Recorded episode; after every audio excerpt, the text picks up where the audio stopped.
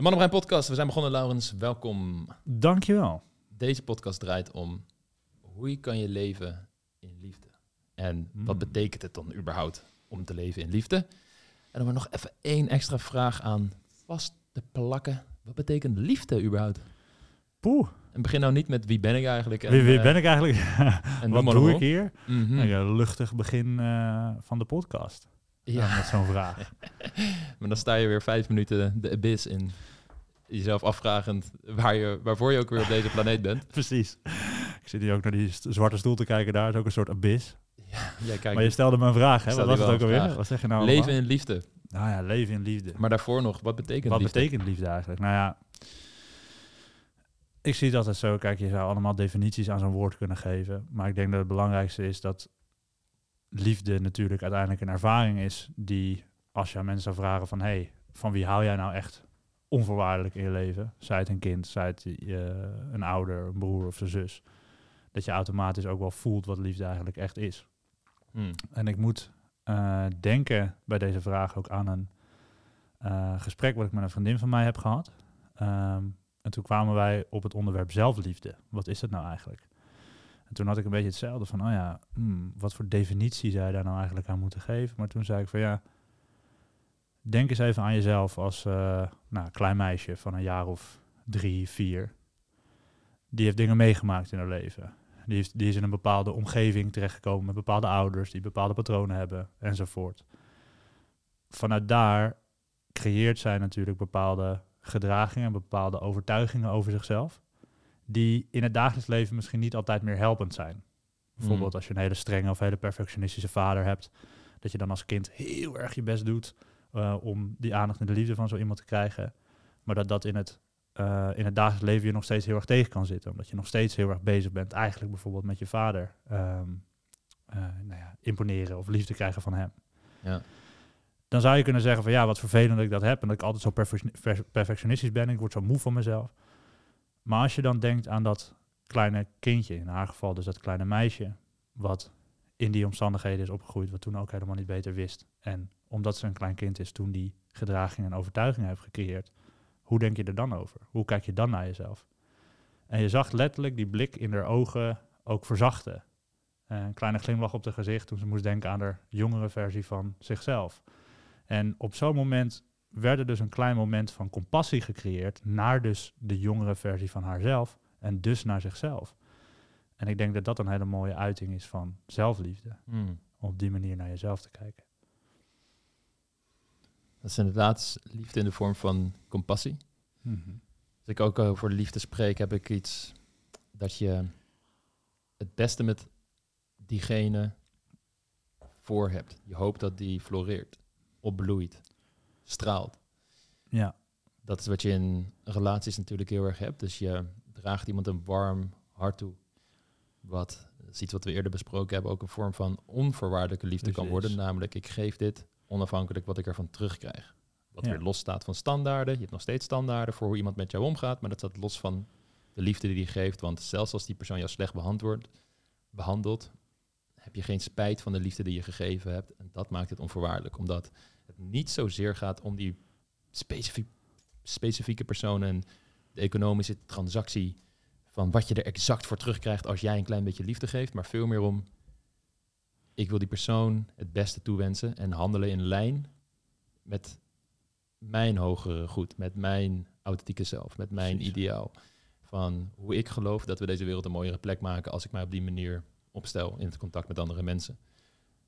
En dat brengt me eigenlijk op een, een driedeligheid aan liefde. En dat is liefde voor jezelf, liefde voor andere mensen en liefde voor het leven. Wat grappig genoeg niet vanzelfsprekend is dat je liefde, zodra je liefde ervaart, dat je het gelijk in al die gebieden ook voelt doorstromen. Er kunnen mensen zijn die fantastisch veel liefde hebben natuurlijk voor een partner, maar het leven dat ze verder leiden eigenlijk helemaal niet prettig vinden, daar geen liefde voor ervaren. Of zijn mensen die op zich wel tevreden zijn met zichzelf, maar het heel oneerlijk vinden dat ze in een bepaalde familie zijn opgegroeid of in bepaalde omstandigheden verkeren. En wat ze dan bij familieopstellingen zo mooi noemen, dat je je lot niet accepteert. Precies. dat een belangrijk aspect van liefde ervaren voor het leven is dat je je, je lot gaat accepteren. En het lijkt mij heel mooi om ook deze driedeligheid te passen in deze podcast en het dus als het ware op te splitsen. Waarbij het wellicht wel interessant is om te beginnen bij die liefde voor de, voor de wereld, liefde voor het leven, liefde voor alles wat er om jou heen is. Wat dus niet specifiek betrekking heeft tot mensen, maar meer gewoon het leven dat je leidt, hoe de wereld in elkaar steekt en, en hoe je dat ervaart. Uh, Laurens, jij bent ja, bij Mannenbrein hoofdcoach. Je coacht ook bij Attraction Gym, onze tak van datingadvies voor mannen. Je geeft elke maand meerdere workshops, waaronder ook familieopstellingen workshops. Klopt. Hoe zie jij dit soort dingen terugkomen? Dus wanneer zit er, als, ik het zo kan uitdrukken, stel je hebt liefde die stroomt door een soort tuinslang de wereld in, als het ware. En er zit een mhm. soort knik in die tuinslang. Wanneer gebeuren dat soort dingen? Wanneer kunnen mensen hun lot als het ware niet accepteren? Ja, dat kan heel veel verschillende redenen hebben. Ehm, heel vaak heeft het te maken met bepaalde verwachtingen. Bepaalde verwachtingen die ook niet altijd uh, van jou per se zijn, maar misschien verwachtingen die je van je omgeving of vanuit je jeugd al dan niet onbewust hebt meegekregen. Van er zou een bepaald beeld moeten zijn van wanneer ik echt gelukkig ben en wanneer ik die liefde ervaar. Maar dat beeld, dat is er nog niet. Of het strookt nog niet met de realiteit. En een voorbeeld daarvan, een bekend voorbeeld ook vanuit onze coaching, zijn bijvoorbeeld dan uh, nou, vrouwen die bijvoorbeeld al een tijd aan het daten zijn, uh, maar nog niet die gelukkige partner of die gelukkige relatie hebben kunnen vinden of hebben kunnen krijgen. En die dan vervolgens, doordat ze ergens een bepaald beeld tot zich hebben genomen van ja, maar ik kan pas echt gelukkig zijn als er zo iemand ook naast me staat. En als ik met zo iemand het leven kan delen, dat het daardoor uh, misloopt, bijvoorbeeld. Mm. Mm. Ja, en als je, wat ik dan vaak ook hoor, is van ja, hoe kan ik nou gelukkig zijn als mijn realiteit niet voldoet aan het beeld, ideaal beeld van hoe de realiteit wordt te zijn. En hoe groter die discrepantie, hoe sterker ik die ongelukkige gevoelens, negatieve gedachten, zware emoties met mij mee ga dragen. Klopt. Dat is wat je daar eigenlijk hebt. Ja, en het wordt ook heel erg, uh, dus nou ja, sowieso al vaak versterkt vanuit de jeugd. Uh, in de zin van nou, bijvoorbeeld dat je ouders tegen je zeggen van hé, hey, uh, zorg wel dat je een goede baan hebt of zorg dat je trouwt. Weet je? Want dan heb je een veilig, en stabiel en gelukkig leven. Maar natuurlijk ook in de maatschappij aan zich. Van ja, bijvoorbeeld als je veel spullen hebt of als je veel status hebt of uh, whatsoever, dan weet je wel, dan ben je er. Dan heb je een gelukkig leven. En het gaat dus de hele tijd om heel veel van die externe dingen. die mensen dus vaak in mijn optiek dus verwarren met wat eigenlijk oprechte liefde is. Uh, en die dat de hele tijd aan het nastreven zijn. Maar ja, het is al een beetje als een soort hamstertje in een wiel. Van je bent de hele tijd iets aan het achterna aan het rennen. Maar steeds als je het hebt, dan is er wel weer een volgend iets wat je, wat je wilt. Het is een interessant punt, omdat je ouders en de mensen in de maatschappij je een blauwdruk willen geven, een pad dat je kan bewandelen, wat je hopelijk naar uitkomsten brengt die bijdragen aan een gelukkig leven. En er is niks mis met heel veel van die zaken in je leven creëren, van relatie tot een baan waar je hard moet werken, maar wel veel voldoening geeft en waar je gewoon je, je geld mee verdient. Alleen als jij een visie hebt die daarvan afwijkt, en of niet eens daarvan afwijkt, maar het lukt jou gewoon niet helemaal, dan is vaak de valkuil dat je zoiets hebt, oké, maar dan kan ik ook geen gelukkig leven leiden, want het voldoet niet aan dat plaatje. Terwijl het wellicht soms beter is om te kijken naar, oké, maar is dat plaatje wel toepasbaar op mijn specifieke situatie? Elk mens is, is uniek. En die suggesties die mij gegeven worden over ga studeren, ga trouwen, neem kinderen, zijn meer richtlijnen die veel mensen gebruiken om een gelukkig leven te krijgen. Maar het zegt niet dat je per se de oppervlakte kant daarvan ook echt zo moet creëren. En daar bedoel ik mee zijn wel gesprekken die ik vaker heb gehad met mensen van... Zou je bijvoorbeeld zonder kinderen, zonder relatie de rest van je leven gelukkig kunnen zijn? Ja, dat kan prima. Als je gewoon kijkt naar wat zijn de principes van wat jou gelukkig maakt. Hoe kun je dat invullen? En ik denk wel dat er een soort van universele menselijke behoeften zijn, zoals de need to belong, dus ergens bij horen, het gevoel hebben dat je geaccepteerd wordt, dat je relaties hebt, dat je kan hechten. En als je die manier op, als je die behoeftes op creatieve manieren kan voorzien, dan is er alsnog een nieuw pad dat je als het ware creëert voor jezelf, waarmee je een heel gelukkig lief leven kan leiden en daardoor ook meer liefde kan ervaren. Want liefde staat voor mij in, in die context ook heel erg gelijk aan bewondering voor het leven, als het ware. Van wauw, wat mooi dat ik dit allemaal kan ervaren en energie die het je geeft. En soms ook het gevoel van oké, het zit nu even wat, wat minder mee, maar dat hoort bij de menselijke ervaring. En dat is ook oké. Het hoeft niet altijd extase te zijn. Uh, alsof mijn leven een soort super lang hoogtepunt is van een ecstasy trip. Weet je wel? Dus ja. alles gaat met, met golf. Uh, en ja, ik denk dat dat een, uh, een hele lastige is wanneer je zo hard vast blijft houden aan een bepaald plaatje en niet weet hoe je dat plaatje kan realiseren, dat dat voor heel veel ongeluk zorgt en dus moeilijk is om dat lot te accepteren. Juist. Hmm. Als je dan kijkt naar relaties met andere mensen, dus als het ware het tweede gebied, wat zijn dingen die je daar veel tegenkomt op de workshops die je, die je geeft? En dan bedoel je vooral de uitdagingen die mensen dus ervaren in relaties tot andere mensen met andere mensen. En wat willen ze? Ja. Heel vaak heeft dat te maken met een uh, ten eerste dus een, hè, een gevoel van oprechte connecties willen hebben met anderen. Oprechte, mooie, diepe connecties willen ervaren. En tegelijkertijd ook de vrijheid en het gevoel willen hebben en kunnen ervaren van volkomen zichzelf kunnen zijn binnen die relaties. Hmm. Dus wat ik heel erg veel zie in mijn coaching en dan ook specifieke mensen die op de workshops komen, zijn mensen die veel in uh, please gedrag vallen. Of zoals we dat bij de mannen dan noemen, nice guy gedrag vallen. Omdat ze continu bezig zijn met een bepaald soort ja, goede kant van zichzelf belichten. Ehm, heel erg bezig zijn met validatie van anderen. En hopen dat als ze dus alleen maar de positieve en leuke kanten laten zien, dat ze dan ook um, gevalideerd en gewaardeerd worden door een omgeving. Maar dat zorgt eigenlijk voor constante spanning in de sociale relaties en ook in de relaties die je hebt. Want de hele tijd ben je eigenlijk als het ware een soort van bal onder water aan het drukken van wat dan je echte zelf is. Uh, omdat niemand natuurlijk volkomen perfect is en alleen maar die positieve en leuke kanten kan laten zien. Maar er ook, ja, om het zomaar te zeggen, gewoon nasty kanten bij horen. Kwetsbare kanten ook. Misschien hele vervelende kanten van jezelf. Misschien bepaalde verlangens of bepaalde wensen die jij heel erg moeilijk vindt om uh, uh, te vragen van iemand, maar die er wel degelijk zitten. En als je dat allemaal gaat verstoppen, kan je ook helemaal geen authentieke en diepgaande relaties met mensen creëren.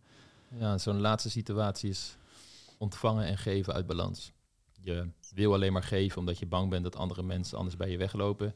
En ontvangen vind je heel eng, omdat wie ben jij om iets te vragen aan een andere persoon? Ja.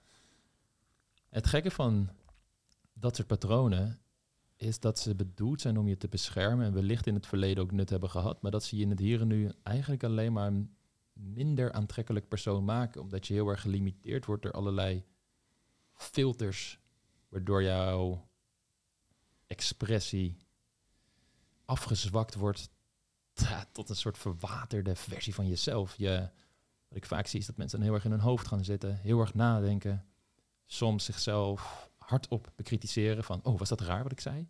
Ja. Of dat je ziet dat ze wellicht iets zouden willen, maar ze durven het niet te vragen. Maar je merkt daardoor dat ze in een soort conflict zijn met zichzelf. Wat voor een vernauwing van de energie zorgt, waardoor er gewoon minder plezier gecreëerd wordt. Dus al die verdedigingsmechanismes en copingmechanismes die mensen ook vaak gebruiken in, die, in de persoonlijke wereld van liefde, daar belemmer je jezelf ook nog eens mee om die liefde tot volle te kunnen ervaren. En een van de prachtige dingen die we dan doen tijdens die workshops, onder andere de authentieke man workshops voor de mannen en de leven en liefde workshop voor vrouwen, is dat mensen op hele praktische manieren oog in oog komen te staan met hun eigen patronen. In een veilige omgeving, met soortgelijke.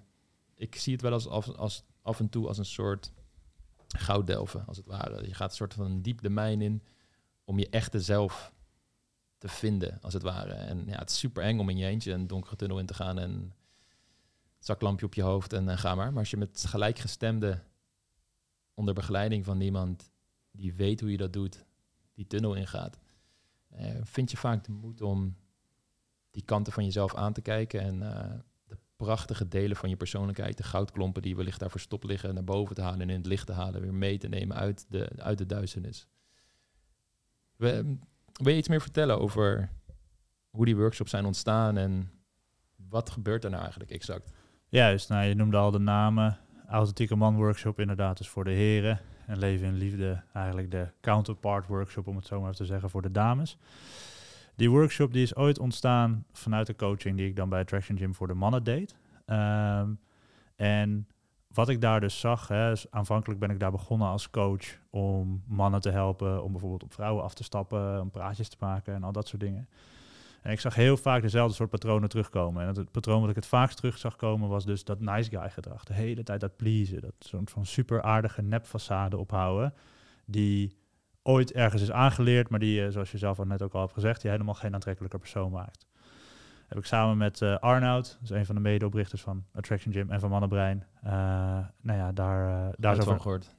Arnoud, wie is dat? dat mijn collega. hij, is, hij, is, nog nooit op deze podcast geweest ook, hè? Of wel? Nee, nee hij zat ah. natuurlijk ook een tijd in Mexico, Mexico. maar... Um, Moet je hem in het Spaans doen, dat is ook zo lastig. Ja, ah. ik, ja. ja, ja. Nee, ik, uh, in ieder geval, ik, ik heb toen met hem heb ik aan, uh, uh, om tafel gezeten van op dat probleem van hey, hoe kunnen we nou iets aanbieden voor de heren, dat we ze ook op dat stukje, op dat diepere stukje kunnen helpen. Hmm. Uh, en vanuit daar is, hoe dat toen nog heette, de Nice Guy Goodbye workshop uh, ontstaan. Die ging heel erg dus over specifiek uh, nice guy gedrag, please gedrag. En hoe herken je dat nou bij jezelf en hoe kom je daar vervolgens van af? Hoe kan je dat, dat soort patronen dus doorbreken? Ja. Zonder dat je dan hè, een, een, een gelijk een, een soort klootzak of een enorme jerk of zo wordt. Want daar gaat het helemaal niet om. Het, gaat, het tegenovergestelde van een nice guy is niet een, een soort van asshole. Het tegenovergestelde van een nice guy is iemand die oprecht en 100% zijn authentieke zelf durft te zijn. En dus iets kan geven, bijvoorbeeld een bepaald compliment kan geven naar jou, vanuit een plek van authenticiteit en liefde. En tegelijkertijd zijn grens ook kan bewaken, ook vanuit diezelfde plek van authenticiteit en liefde. En niet dat ik nu allemaal dingen tegen jou ga zeggen om jou een beetje te pleasen en dat het uiteindelijk van een bepaald soort hidden agenda komt, bijvoorbeeld.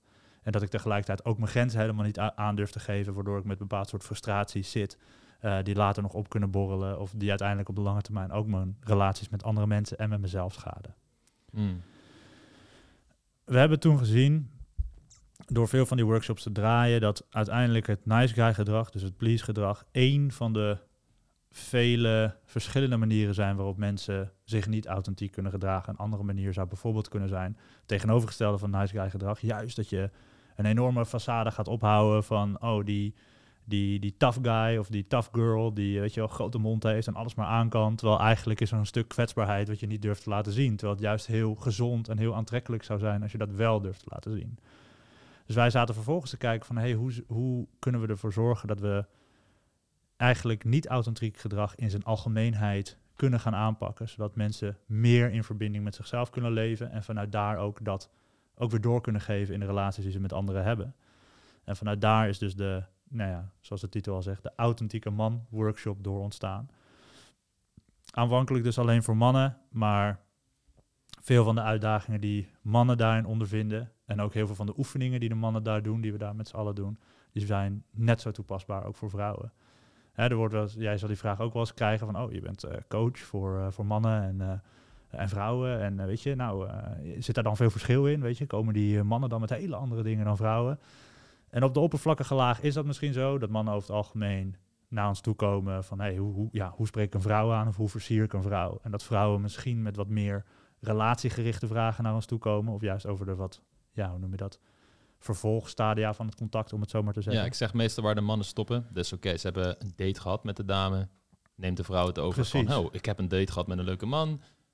Ik zie het wel zitten, ik zie je potentie en ik zou wellicht richting een relatie gaan. Juist. En van mannen wordt meestal verwacht dat zij de initiatiefnemer zijn in die eerste datingfase van het aanspreken, nummer vragen, op date vragen. Klopt. Maar uiteindelijk komt het dus in beide gevallen neer op dezelfde principes. Dus ook de relatie die je dus met jezelf hebt. En durf jij dus, ongeacht oude patronen, vanuit je authentieke zelf, zoals wij dat dan noemen, te gaan handelen, te gaan leven en vanuit daar ook contact aan te gaan met anderen. En dan kom je bij zo'n diep stukje dat dat uh, nou ja, voor iedereen heel erg relevant is, voor zowel mannen als vrouwen. En dat is ook de reden waarom we dus die die workshop, dan de Leven in Liefde workshop voor, eh, voor vrouwen, eh, ook op dezelfde manier nu, eh, nu geven. Eh, natuurlijk net even met een paar andere nuances. En eh, er zit wel wat verschil in natuurlijk, maar de dieper liggende principes die, die zijn gelijk voor zowel mannen als vrouwen. En het is in mijn optiek, ik heb inmiddels al eh, veel van dit soort workshops gegeven. Heel erg dankbaar werk om te doen. Om, om te zien wat dat met eh, zowel mannen en vrouwen doet als ze meer in verbinding met zichzelf gaan leven. Ja, voor mensen die dan afvragen van oké, hoe ziet dat eruit? Laatste workshop dit, eh, dat ik er zelf ook bij was voor de vrouwen, was dat hele kenmerkende patronen, zoals bijvoorbeeld grenzen aangeven. Er zit een oefening in die workshop. Bij die oefening moet je je grens gaan aangeven. En dat doe je door in een ruimte te gaan staan. Er ligt een, een touw, een streep voor jou op de grond. Jij gaat erachter staan. Er loopt iemand vanaf de andere kant van die kamer op jou af. En jij moet aangeven dat ze moeten stoppen. Op een afstand die comfortabel voelt voor jou. Klopt. Het klinkt heel simpel, maar op het moment dat dit gebeurt, en de rest van de groep kijkt mee, voelen mensen toch een klein beetje druk en zie je dat ze de patronen herhalen die ze in de rel- relaties met andere mensen ook herhalen, die hen wellicht dus in de weg staan om meer liefde te ervaren. Voorbeeld daarvan was een dame die best wel in conflicten zat met haar dochter. Veel ruzie had. En het waren vaak hele heftige ruzies waarbij het allemaal explodeerde. En wat je zag tijdens die oefening, is dat op het moment dat ik op haar afliep, is dat zij was op het allerlaatste moment, als ik eigenlijk al bijna dwars er doorheen liep en gewoon moest uitwijken naar rechts, pas aangaf dat ik moest stoppen. En ik vroeg aan haar van, hè, maar laten we het even in slow motion doen. Als ik vlak voor jouw neus ga staan, hoe vind je dat? Ze zegt, ja, niet prettig. Ik zeg, nee, precies. Als ik een stap naar achter zet, hoe dan? Ja, dan is het al wat, wat fijner. En wat je bij haar zag, is dat zij niet goed kan aanvoelen hoe ze kleine stapjes kan zetten naar haar grens toe en iemand op een comfortabele, veilige afstand kan stoppen. Waardoor ze wacht tot het allerlaatste moment waarbij ze voelt van dit is niet prettig. En dan als het ware een soort schrik, reactieve reactie, iemand nog probeert te stoppen. En dat is precies het patroon wat je herhaald zag worden in het contact met haar dochter. Ze probeerde dingen op te kroppen, zich er overheen te zetten. Ze negeerde het van, ja, weet je, het voelt misschien niet prettig, maar whatever, het is mijn dochter, ik moet van haar houden. Tot die emoties zo hoog opliepen dat ze explodeerde. En wat voor haar heel belangrijk was, was om kleinere stappen te zetten in grenzen aangeven en niet in één keer van 0 naar 100 te gaan, maar soms iets een keer met als allereerste stap humor te brengen, hoe je een grens kan aangeven. Of nieuwsgierig te zijn. Van hé, hey, ik zag dat je dit deed. Ja, ik vond eigenlijk, als ik ben, niet zo heel prettig. Waar, hoe heb jij dit ervaren? In plaats van in één keer, dat mag je nooit meer doen, want je weet toch... En dit zijn super praktische dingen die, als het eenmaal aangeleerd wordt, voor zoveel meer ontspanning, kalmte en liefde gaat zorgen in je relaties. Uh, een andere dame die daarmee deed, ook een mooi voorbeeld. Zij had veel pijn ervaren in haar leven, vooral van mensen die ze had toegelaten. En ze had ook een overtuiging die ze met zichzelf meedroeg van ja, als mensen eenmaal in mijn inner circle zijn, ben ik eigenlijk best wel een pushover. Dan ben ik die pleaser. Dan kan ik niet meer nee zeggen. Waardoor ze ook best wel nare ervaring met mannen, maar ook met familie en vriendinnen heeft gehad. Wat je bij haar zag tijdens deze oefening, is dat als ze haar grens aangaf, dus die persoon die op haar afliep moest stoppen, ze dat heel venijnig deed. Stop! Best wel een verkrampte, boze energie. En dat was ook het beeld wat sommige mensen van haar konden hebben. En ze zei ook van ja, als ik mensen niet zo goed ken, kan ik best wel venijnig zijn, van mezelf afbijten, dat is geen enkel probleem. Maar dat deed ze omdat ze wist van ja, nu ken ik ze nog niet, maar zodra ze eenmaal mee in een cirkel zitten en ik ze niet meer op veilige afstand weet te houden, kan ik nog wel eens pijn krijgen. En toen ik tegen haar vertelde van oké, waar het vooral om gaat is dat je met de wetenschap dat een intiem contact jou pijn kan opleveren, dat je daar oké mee gaat zijn. Dat je een vertrouwen in jezelf en in de wereld en in andere mensen hebt waar je op kunt bouwen. Daar word je door gedragen. En vanuit daar kun je dat intieme contact met haar aangaan. Met, met die mensen aangaan. Daarvoor is het voor nodig dat je niet alleen het patroon van venijn grens aangeven uitleeft, maar dat je hen meer toelaat in die innerlijke cirkel en in contact blijft met die krachtige plek in jouzelf. Zoals wij dat noemen, je authentieke kern. Goede manieren zijn ervoor natuurlijk naar je ademhaling gaan, in je lichaam landen. Dat is allemaal wat je ter plekke kan doen. En wat je zag dan ik nog een keer ging naar haar toe ging lopen. De eerste keer vond ze het nog ontzettend lastig. Ehm, toen zag je dat ze stop zei op een rustigere manier. Maar omdat er nog niet veel overtuiging zat en ik dus haar ook een beetje wilde triggeren, een klein beetje doorliep, dat ze al nee ging schudden, zo met haar hoofd van zie nou, ik kan het niet. Zei ze nog een keer stop, bleef doorlopen, ging ze weer zo nee schudden. En ze was zichzelf, terwijl ze dus eigenlijk iets ontzettend goeds deed, iets nieuws aan het leren, al gigantisch aan het veroordelen. Ja. Weer een nieuw patroon was wat aan de, aan de oppervlakte kwam. Klopt. En het bi- bijzondere was ook dat je, hè, want je vertelde ook, bij haar was het eh, juist als er dan mensen op haar afkwamen lopen, aan het begin kon ze heel duidelijk en inderdaad iets wat venijnig haar grens aangeven. Ja, Maar jij zei toen van, hé, hey, beeld eens in dat, ik weet niet of jij het was of eh, dat iemand anders Ja. uiteindelijk liep, beeld eens in dat, ja, dat ik je moeder ben. Dat ik je moeder ben en dat ik, dat ik dan op je af kom lopen. En dat was het punt dat je zag dat ze toen opeens Ja. veel meer moeite mee ging krijgen. En inderdaad, dat knikje van, ja, zie je nou wel, Ah, shit, ja, het lukt niet, hij stopt niet, stopt niet. Ja, En het is heel mooi hoe, hoe dus dat soort patronen aan de hand van zo'n oefening opeens blootgelegd kunnen worden. absoluut, absoluut. Dus zodra ze moest inbeelden dat iemand was van die inner circle, dan kwamen al die zachte patronen erboven en liet ze over zich heen lopen. En wat voor haar heel belangrijk was, is dat ze geaard bleef staan, met haar voeten op de grond, naar haar ademhaling toe gaan. Eerst even contact maken met die krachtige plek in haarzelf, door bijvoorbeeld te denken aan een moment waarbij ze voor zichzelf opkwam en dat ze daar trots op kan zijn. Dus vanuit die plek haar grens ging aangeven, terwijl ze moest inbeelden dat die persoon haar moeder was. eh, zag je er al veel meer kalmte in, in komen. Al veel meer rust en al veel meer authenticiteit in plaats van dat ze uit angst aan het reageren was. Precies. En dit zijn van die super praktische oefeningen waarin mensen die diepere patronen die verstopt zitten en die ze normaal alleen maar aan het uitleven zijn, opeens kunnen uiten in een veilige omgeving waarbij ze er feedback op krijgen en samen met een coach dit kunnen verwerken. En eh, wanneer dat gebeurt, dat zijn de momenten dat je meer liefde in je relaties kan laten stromen en je veel prettiger gaat voelen, omdat je niet de hele tijd meer bezig bent met, oh, ga ik geen pijn krijgen? Wat zullen ze van me vinden? Gaan ze niet bij me weg?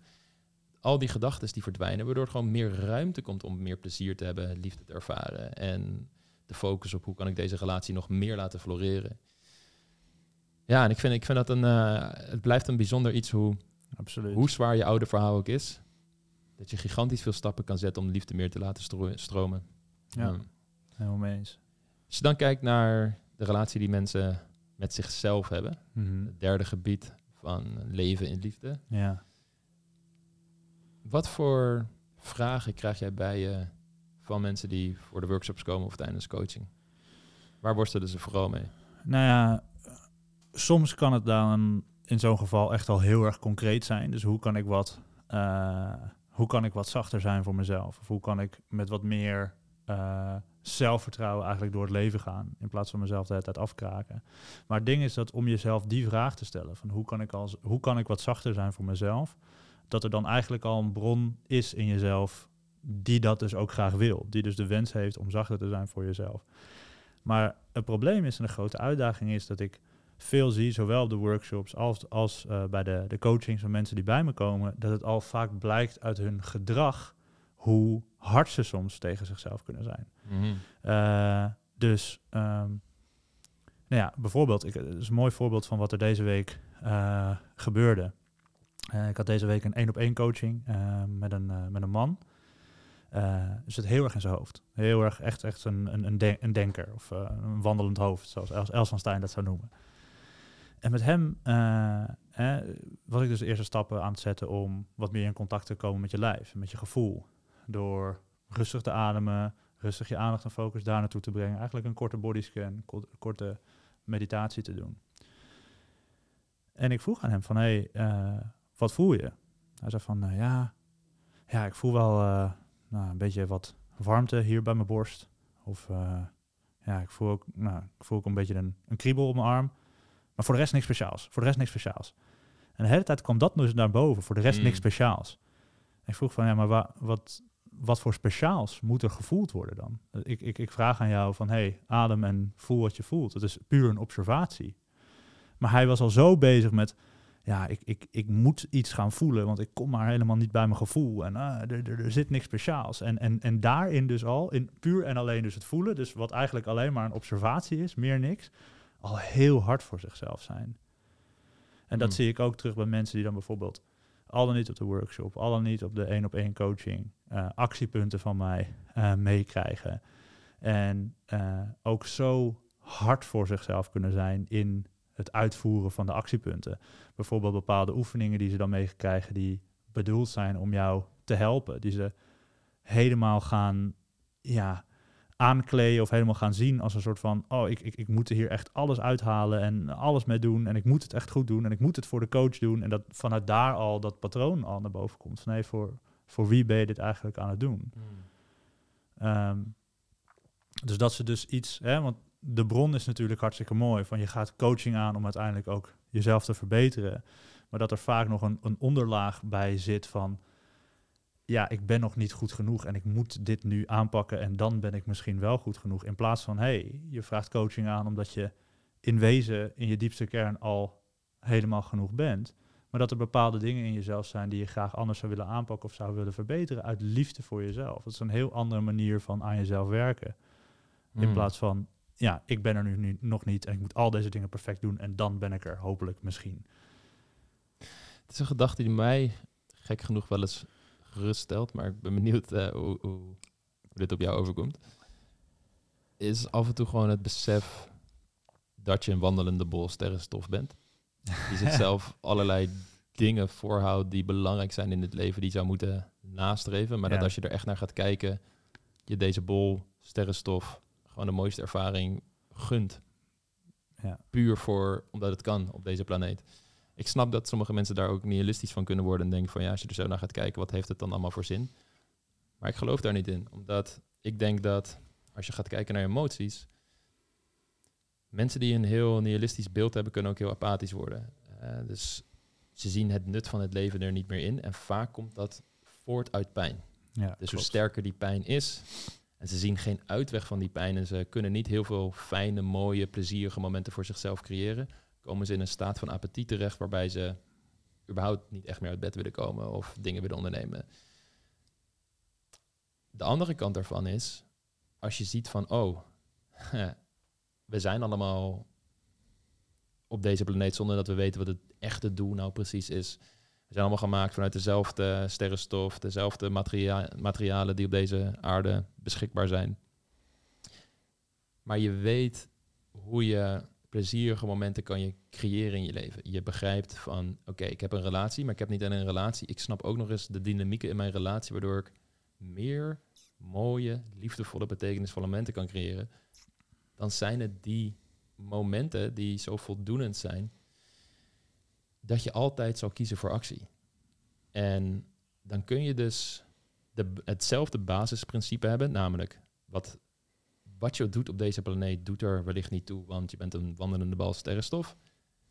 Maar je komt tot twee totaal verschillende gedragingen, afhankelijk van wat de basisassumptie is over, ehm, sorry, de basisemotie is die jij in je leven weet te creëren. En wat ik dus vaak zie, is dat op het moment dat je inderdaad heel veel pijn hebt, ja, dan kan je die kanten opschieten van het maakt allemaal niet uit. Je gooit de handdoek in de ring, je geeft op.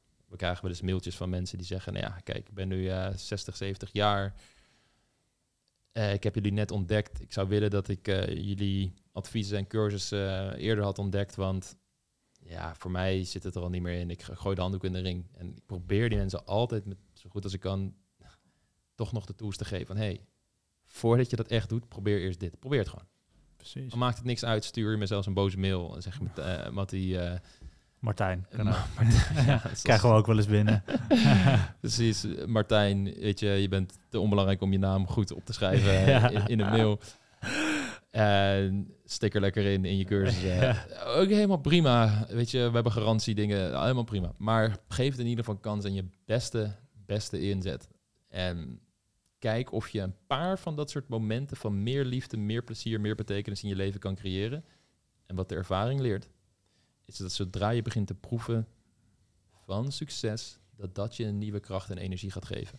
Ja, En dat is volgens mij hoe je ook met jezelf wil omgaan en hoe je meer liefde in je eigen leven creëert, is dat je af en toe zo kunt, niet de hele tijd, maar wel kunt uitzoomen en ziet van, oh ja, het maakt ook allemaal niet super veel uit. Ik kan er gewoon elk moment voor kiezen om meer in liefde te stappen. Om na te denken van, oké, hoe kan ik meer goed creëren? Hoe kan ik meer een betere partner zijn, een betere vriend?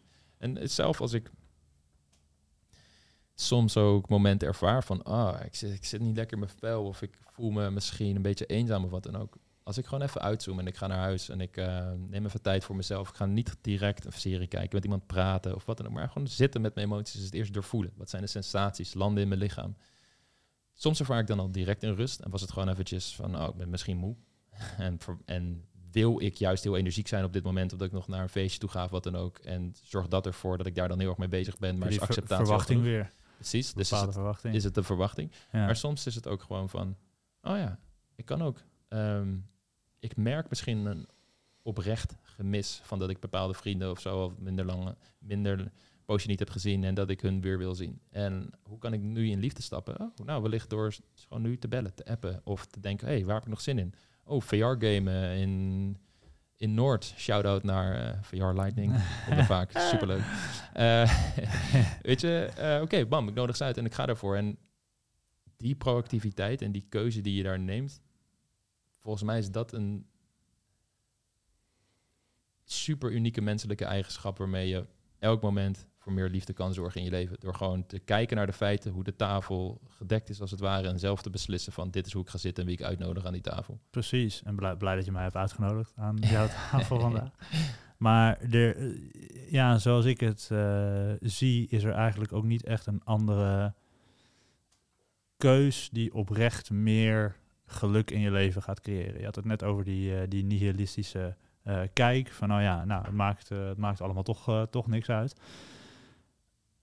zelfs als je daar oprecht in gelooft, dan heb je alsnog een keuze van oké, het maakt helemaal niks uit. Dus uh, weet je wel, uh, nou, gooi het allemaal maar overboord. Ik uh, pak mijn verantwoordelijkheid niet meer. Ik ga lekker voor de makkelijkste weg. Ja, boeien allemaal. Of je kan zeggen van oké, nou zelfs als het misschien allemaal aan het eind niets uitmaakt, kan ik alsnog de stappen zetten die ervoor gaan zorgen dat ik me beter voel. Die beter ook zijn voor mijn omgeving. En beter zijn voor ook weer de wereld in de mm. lange termijn. Dus dat, dat vind ik altijd het mooie van dat principe van, van leven in liefde. Dat het haasten, dat, dat, dat kiezen voor liefde dus in dit geval.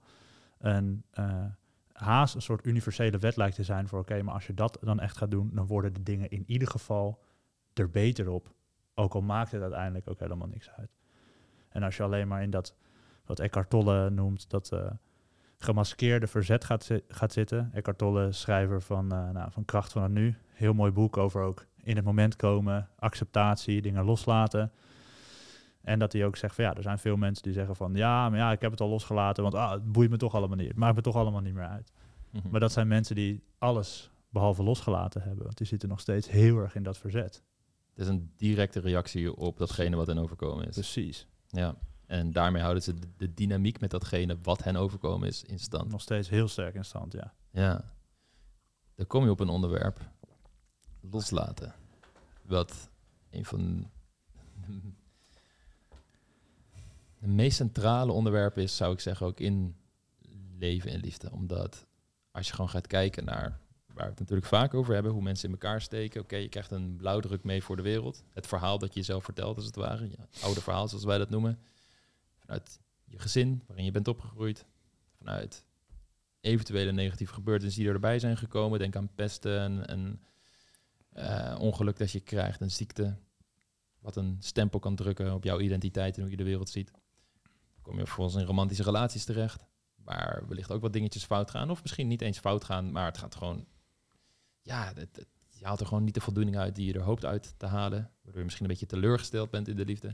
En als je vanuit daar wil gaan leven in liefde, dan kun je vanuit wilskracht, doorzettingsvermogen en discipline heel hard gaan zeggen van hey, het is allemaal oké. Of misschien affirmaties gaan doen voor de spiegel van nee, ik ben liefde en ik leef in liefde. En Eckhart Tolle lezen en denken ja, ik ga in het nu zijn. Ik ga nu in het hier en nu zijn. Maar ja, op een gegeven moment kom je aan wer op werk en je moet toch allemaal dingen doen. En, en die ene vervelende collega ja, maar hij doet het weer, dat ene irritante ding. En bam, opeens zit je weer, voem, en je bent weer terug. En dan kom je thuis en denk je, hè, maar ik heb vanochtend toch die affirmaties gezegd voor de spiegel. Waarom lukt het dan niet? Want, hè, of moet ik het misschien vaker doen of harder doen? Waarbij je in essentie iets heel moois wilt. Je wilt meer in liefde leven, meer in acceptatie, meer in geluk. Alleen de methode die je hanteert gaat je gewoon niet bij de kern brengen waar je uiteindelijk moet, moet uitkomen. Want wat is die kern? Die kern zit juist weggestopt in dat oude verhaal, die veel meer in het onderbewuste zit. Die al sinds de ontwikkeling van jouzelf als kind is gaan groeien en waar basisassumpties zitten over de hele wereld, die je wil gaan loslaten. Uh, een standaard basisassumptie die ik bijvoorbeeld bij mannen veel zie is, vrouwen vinden mij niet aantrekkelijk. Vrouwen zitten niet te wachten op een verhaal van mij. Ik weet niet wat ik moet zeggen, want ik heb een saai leven en ik weet niet zo goed waar ik over moet praten. Ik kan niet flirten. Ik weet niet hoe je een vrouw aanspreekt. En daar zit een feitelijk component aan dat objectief gezien misschien nu veel vrouwen jou inderdaad niet aantrekkelijk vinden. Dat je inderdaad niet goed weet hoe je moet flirten. Maar tegelijkertijd zijn het assumpties die wanneer je ze loslaat en je gaat het combineren met de praktische kanten van het aanleren van die vaardigheid, dan ga je echt het succes bereiken en de liefde bereiken die je graag wil. En dat loslaten component is gigantisch belangrijk, want je kunt bijvoorbeeld heel erg aan de slag gaan met flirtzinnetjes, techniekjes, trucjes, allerlei informatie opdoen en dat uit je hoofd leren. Dus allemaal in de bewustzijnlaag. Terwijl je onderbewuste nog steeds zegt dat jij een slechte flirter bent. En je dus eigenlijk een soort rol gaat uitspelen, een typetje, een masker, opzet. En dat masker zorgt er dan voor, die zinnetjes zorgen er dan voor dat je aantrekkingskracht krijgt. In plaats van dat je datgene wat je zegt, de zinnetjes, ziet als een verlengstuk van jouw authentieke persoonlijkheid, van jouw persoon. En dat dat onderdeel is van datgene wat je echt bent en niet wat je doet. En dat is iets wat uh, een, een, shift die je daarin moet maken. Wat haast onmogelijk is, is als je blijft opereren op jouw oude software die zegt dat je niet goed genoeg bent, niet kan flirten en vrouwen jou niet aantrekkelijk vinden. Dan wordt het heel moeilijk om allemaal van dat soort zinnetjes uit je hoofd te gaan leren en met datingadvies aan de slag te gaan en een nieuwe realiteit te creëren. Omdat je altijd teruggetrokken wordt naar de baseline van je onderbewuste en de identiteit die je daaruit ontleent. Ja, dat, uh, heel soms zie je dan nog wel eens dat iemand door middel van kleine succeservaringen die ze in het daadwerkelijke leven creëren, en, en dat het daardoor de diepere assumpties afzwakken qua sterkte. Dus dat ze toch wel een nieuwe assumptie of een nieuwe overtuiging begint te groeien van, oh, maar deze vrouw moest best hard lachen om mijn grappen. Of, oh, met deze vrouw die vond mij, ze, ze noemde me een hele sexy man. Oh, mm, mm, mm misschien zit er toch wel iets. En alleen wat er dan vaak gebeurt, is dat op momenten dat jij je weer wat minder goed voelt, wat minder in je vel zit, je hebt wat meer stress, of, of je krijgt een harde afwijzing, is boom, die oude assumpties kicken weer in en je bent weer terug bij je af en je denkt, heb ik überhaupt wel wat geleerd? Die persoon die die succeservaring had, lijkt een soort andere persoon. Een soort iets van, ja, dat zou wel toeval of geluk geweest zijn. En um, dat is volgens mij het stukje wat onderbelicht is in de hele zelfontwikkelingsindustrie. Namelijk het stukje loslaten van kernassumpties die je echt in je diepe systeem, systeem hebt zitten. En er zijn prachtige manieren voor, om, om dat te doen.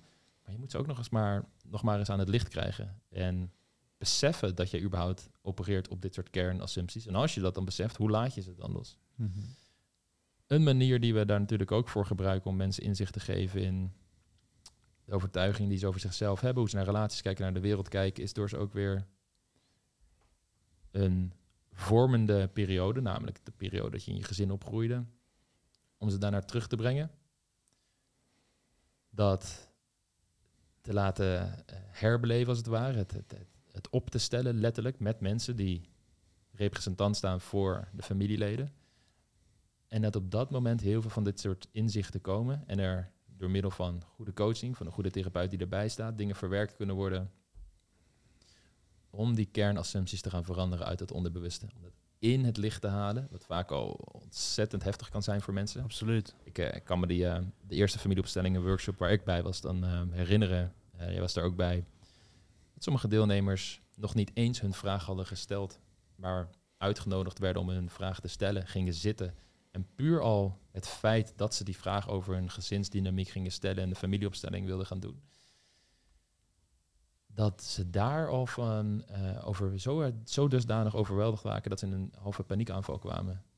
Wat laat zien hoe hoeveel emoties vast kunnen zitten aan zo'n kernovertuiging. Want stel je hebt de kernovertuiging dat jij er niet toe doet, en dat heb je misschien al vanaf je vijfde, omdat je ouders geen tijd voor je hadden, dan bouw jij heel je kaart van de wereld op die assumptie. Dus je gaat de hele tijd door middel van de confirmation bias zoeken naar informatie die die kernassumptie over de wereld bevestigt, omdat je brein wil dat de wereld voorspelbaar is, want dan kun je doorheen navigeren. We hebben allemaal mechanismes in ons brein zitten waardoor ik al deze moleculen of deze planken van de tafel zie als tafel. En dat is handig, dat categoriseren, want daardoor kan ik me door deze wereld heen bewegen. Maar het is hetzelfde met dit soort assumpties. Je ziet de wereld als het ware door middel van die assumptie en je wilt die net bevestigd zien. En daar komen heel veel emoties van, toch teleurstelling, misschien zelfs uh, vernedering of echt gigantische frustraties, die komen daarbij kijken. En dat wil je het liefst wegstoppen, want ja, pijnlijk om dat te confronteren en je weet ook niet wat je ermee moet. Dus ja, waarom, waarom zou je er ook een soort van, in van gaan rondzwemmen?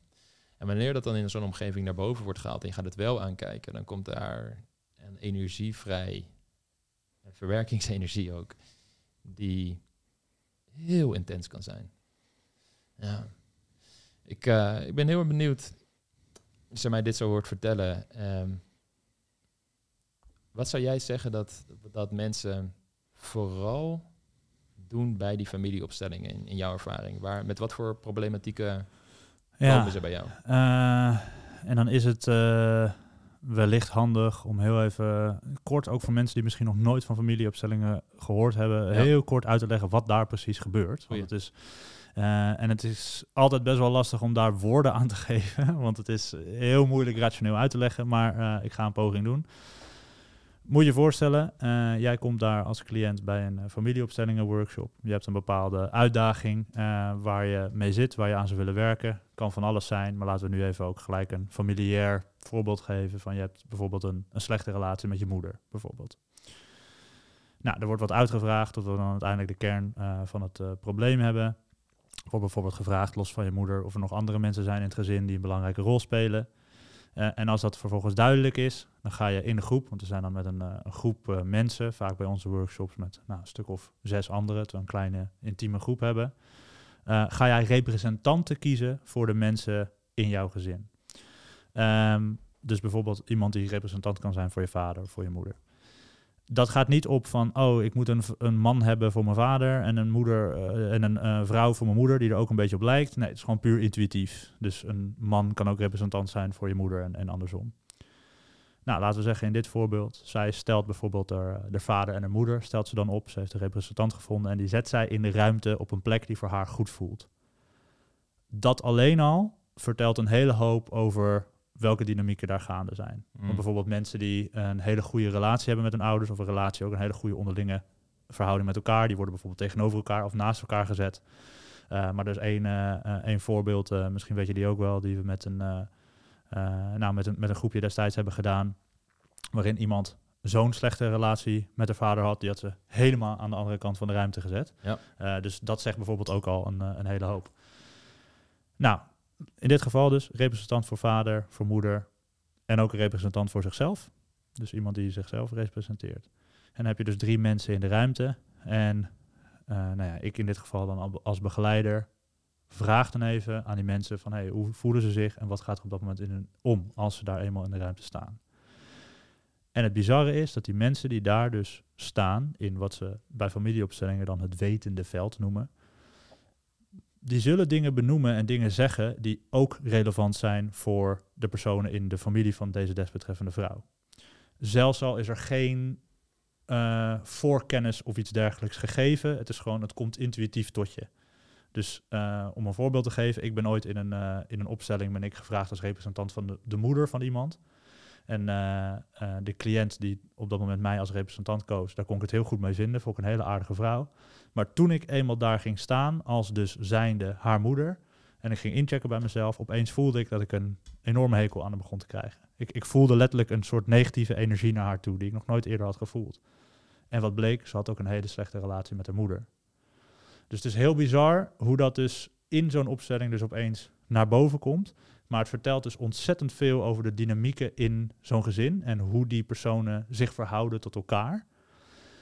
En het kan die persoon of de cliënt in dit geval ook heel veel inzicht geven in, ah, op, op, opeens zie je het. Je ziet letterlijk van, oké, dit is dus de gezinssituatie, dit is dus aan de hand. En alleen dat al zien kan heel erg veel teweeg brengen bij jezelf. En ook heel erg veel verwerken en soms ook al wat inzicht en wat helderheid geven. Mhm. Door vervolgens goed door te vragen en te kijken wat zo'n opstelling in zo'n specifiek geval nodig heeft, kan je uiteindelijk ook, ehm, wat ze dan in familieopstellingen heel mooi noemen, helende bewegingen maken. Uh, dus bijvoorbeeld, uh, wat ik in dit zo'n desbetreffende geval uh, zou kunnen doen, is dat je dan vervolgens de ouders naast elkaar opstelt. zij dan er tegenover, kijken hoe dat voelt, hoe dat is.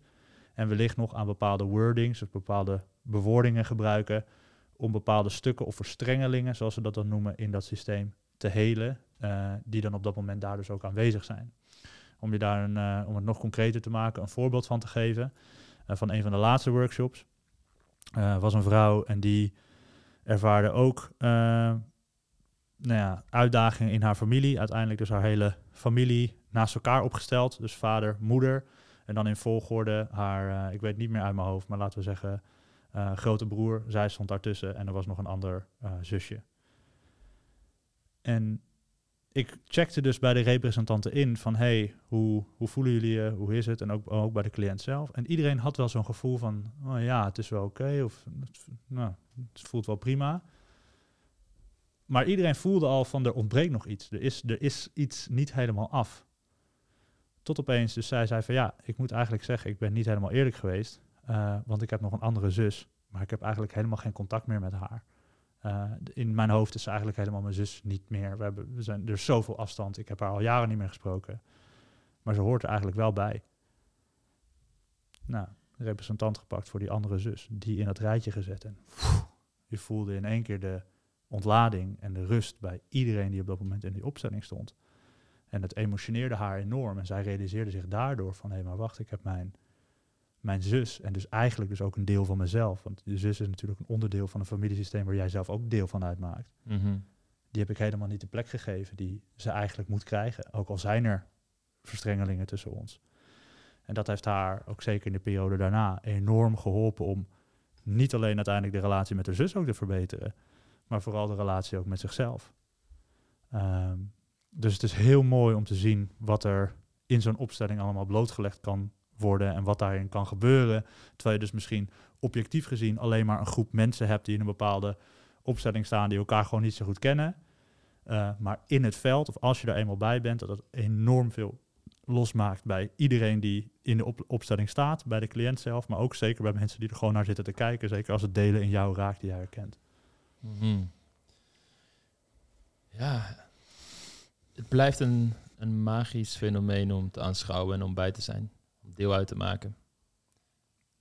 Ik denk dat een belangrijke factor waardoor mensen hier zoveel wijsheden uithalen, is dat het heel lastig is om jouw hele familiedynamiek zo scherp voor je te zien in je gedachten, om dat te visualiseren, als wanneer het daadwerkelijk wordt opgesteld in een ruimte voor je. In, in bam, het is in your face. Je ziet de dynamiek in één keer. Je, je hoort hoe die mensen zich voelen.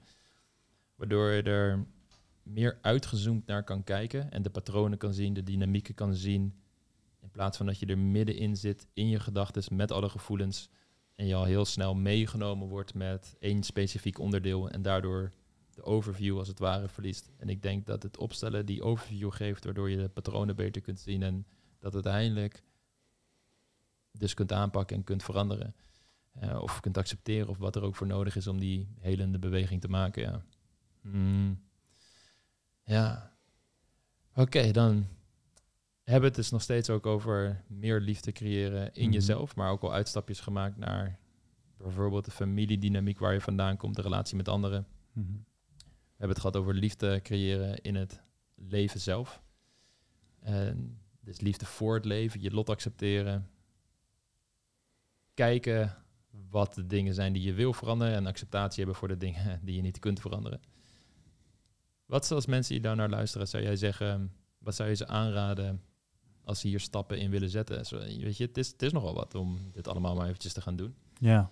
Uh, wat zijn dingen die jij hen zou aanraden? In de basis, en dat brengt me eigenlijk ook dus uh, zo mooi uh, rondje bij het voorbeeld wat ik dus uh, aan het begin gaf van die vrouw waarmee ik aan het praten was. En waarvan ik dus zei van hé, hey, maar als je dus jezelf gaat zien als zijnde dat kind van vroeger, wat dus bepaalde patronen heeft aangeleerd, uh, waar je nu op dit moment nog last van hebt, kan je dan zachter naar jezelf kijken. Dat dat een hele belangrijke is. Dat je dus gaat zien van hé, hey, ik ben ook een Hè, dus ook een, een, een, een, mooie die jij ook in de cursus Jij bent de prijs noemt. Van niet wat is er mis met jou, maar meer wat is jou overkomen. Ja. Van ik ben een persoon en als klein kind vaak, maar soms ook later in het leven, zijn mij bepaalde dingen overkomen. Waardoor ik bepaalde overtuigingen, bepaalde gedragingen heb ontwikkeld die mij misschien nu nog steeds tegenstaan. -hmm. En als je daar op die manier gaat naar gaat kijken, dan ga je met wat meer zachtheid en compassie naar jezelf kijken. In plaats van er is van alles mis met mij. En alles, er zou van alles veranderd moeten worden aan mij. Nee, het, er zijn bepaalde dingen overkomen. Niet alles dient mij meer. En als het liefste voor mezelf zou ik dat graag willen veranderen. En vanuit die basis kan je ook veel makkelijker kijken naar jezelf als persoon waar je zelf ook zorg voor draagt. En ik denk dat dat een hele belangrijke is. We dragen allemaal zorg voor ons huisdier. Uh, of de, me de, meeste mensen. We dragen zorg voor uh, onze kinderen of mensen die heel dicht bij ons staan. We, willen dat het goed met hen gaat. Precies wat jij ook zei. Dat je dus onvoorwaardelijk van iemand houdt. Maar als we vervolgens dan naar onszelf gaan kijken, dan kunnen we nog keihard zijn en heel kritisch zijn. Uh, en heel zwaar tegenover onszelf zijn. Terwijl niemand wil werken voor een leidinggevende die een soort tiran is. Die alleen maar zegt wat je fout hebt gedaan. Die jou nooit positief motiveert, nooit beloont. Niemand wil dat. En toch zijn we dat naar onszelf heel erg vaak. Ja. Dus dat zou ik zeggen van ga dat als eerst als de basis aanpakken. Door dus jezelf te gaan zien. Uh, ook meer vanuit die blik van hé, hey, van ik heb dus bepaalde patronen dus aangeleerd, zeker als, als, als kind. En, en dat kind heeft nog steeds mijn warmte, mijn liefde, mijn compassie nodig. En in het hier en nu wil ik als een soort grote broer of grote zus voor dat kind zijn. Zodat ik die ook aan de hand mee kan nemen en kan laten zien hoe het wel moet. Uh, om mezelf het leven te gunnen wat ik ook verdien. En dat zeg ik nu als dus belangrijke basis waarmee je wil beginnen. En vanuit daar komen dus hele ook praktische dingen. Als ergens goed voor jezelf zorgen. Uh, dingen doen waar je zelf energie voor krijgt. Natuurlijk dingen vermijden die slecht voor je zijn. Een beetje altijd praktische dingen, om het zo maar te zeggen. Maar het kan ook een kwestie zijn van ja, makkelijker gezegd dan gedaan. Om zo naar jezelf te kijken en vanuit daar zo in het leven te gaan staan. En ik denk dat dat voor veel mensen geldt, juist omdat die patronen uit het verleden heel sterk kunnen zijn. En tegen die mensen zou ik echt zeggen van hé, hey, zoek daar ook hulp bij. En we hebben het daar ook in een vorige podcast, kan ik me herinneren, ook nog over gehad. Ook over de juiste soort hulp die uh, goed bij jou past. Uh, maar precies wat je zegt, uh, wat je ook net zei over bijvoorbeeld bij familieopstellingen, dat dus bepaalde patronen en dynamieken opeens heel erg zichtbaar worden, waar je eerst een soort van niet op die manier naar kan kijken, omdat je er middenin zit. Dat geldt natuurlijk voor heel veel verschillende situaties. Dat is precies de reden waarom bijvoorbeeld mensen met relatieproblemen naar ons toe komen. Die kunnen dat niet daar op dat moment zelf allemaal oplossen, omdat ze iemand nodig hebben die ten eerste uh, enige expertise ervan heeft en ten tweede ook op een soort objectieve manier ernaar kan kijken en tegelijkertijd wel vanuit compassie en warmte die mensen ook kan helpen. En ik denk als je daar de juiste persoon in, in kan vinden, uh, dat, je daar, uh, dat je daar heel erg veel aan kan hebben. En uh, totaal geen taboe om hulp te vragen, maar alleen maar hartstikke goed om dat te doen. En nou ja, natuurlijk, dat is een van de fundamenten waar dit bedrijf natuurlijk ook op is gebouwd. Dat we mensen juist ook daarmee willen helpen. En dat wij van ons uit natuurlijk ook die uh, de, de, de coaching aanbieden, één op één coaching, die workshops, leven en liefde workshop, bijvoorbeeld familieopstellingen workshop. En we zijn de hele tijd bezig met allerlei dingen, uh, cursussen, mogelijkheden om mensen daar nog verder te helpen. Maar het belangrijkste is van ja, weet je, waar je dat ook gaat doen of op wat voor manier je dat ook gaat doen. Uh, zorg in ieder geval dat jij jezelf het leven gunt wat jij waard bent, dat je zorgt voor, zorg voor jezelf gaat dragen. En als het nodig is, en dat is bij de meeste mensen nodig, daar wat hulp bij vraagt. Amen. Mooi gezegd. Ja, dat is uh, meer. Ik zat nog even te denken, wilde ik er nog iets aan toevoegen? Nee, volgens mij, volgens mij was dit hem wel voor nu. En dan nog een belangrijke mededeling voor iedereen die naar deze podcast luistert en kijkt. Als jij al meerdere podcasts beluistert, boeken leest, video's kijkt over zelfontwikkeling, daten en relaties, maar je bent nog niet waar je wil zijn, is deze boodschap extra belangrijk voor jou. Ik heb een vraag. Heb jij wel eens het gevoel dat je meer uit het leven kan halen? Je weet dat je meer potentie hebt, maar iets lijkt je gewoon tegen te houden. En dat er wel succes voor andere mensen in de liefde, op werk, met een sociale leven en eigenlijk gewoon in het leven in zijn algemeniteit vaak lijkt aan te waaien. En jij vraagt jezelf af, wanneer is het mijn tijd? Enigszins herkenbaar? Laat me jou dan helpen om een volgende stap te zetten naar een gelukkig leven. Hoe ik dat doe? Dat hangt heel erg af van jouw specifieke situatie. Zoals je tijdens deze podcast al hoorde, bieden we ontzettend veel online cursussen aan, maar ook real-life trainingen en workshops. Onze coaching is erop gericht om jou te herprogrammeren om meer van jezelf te houden, succesvoller te worden in je relaties, ook met mannen, en je leven gewoon van de ene op de andere dag beter te maken. Om echt te gaan leven zoals jij dat wil.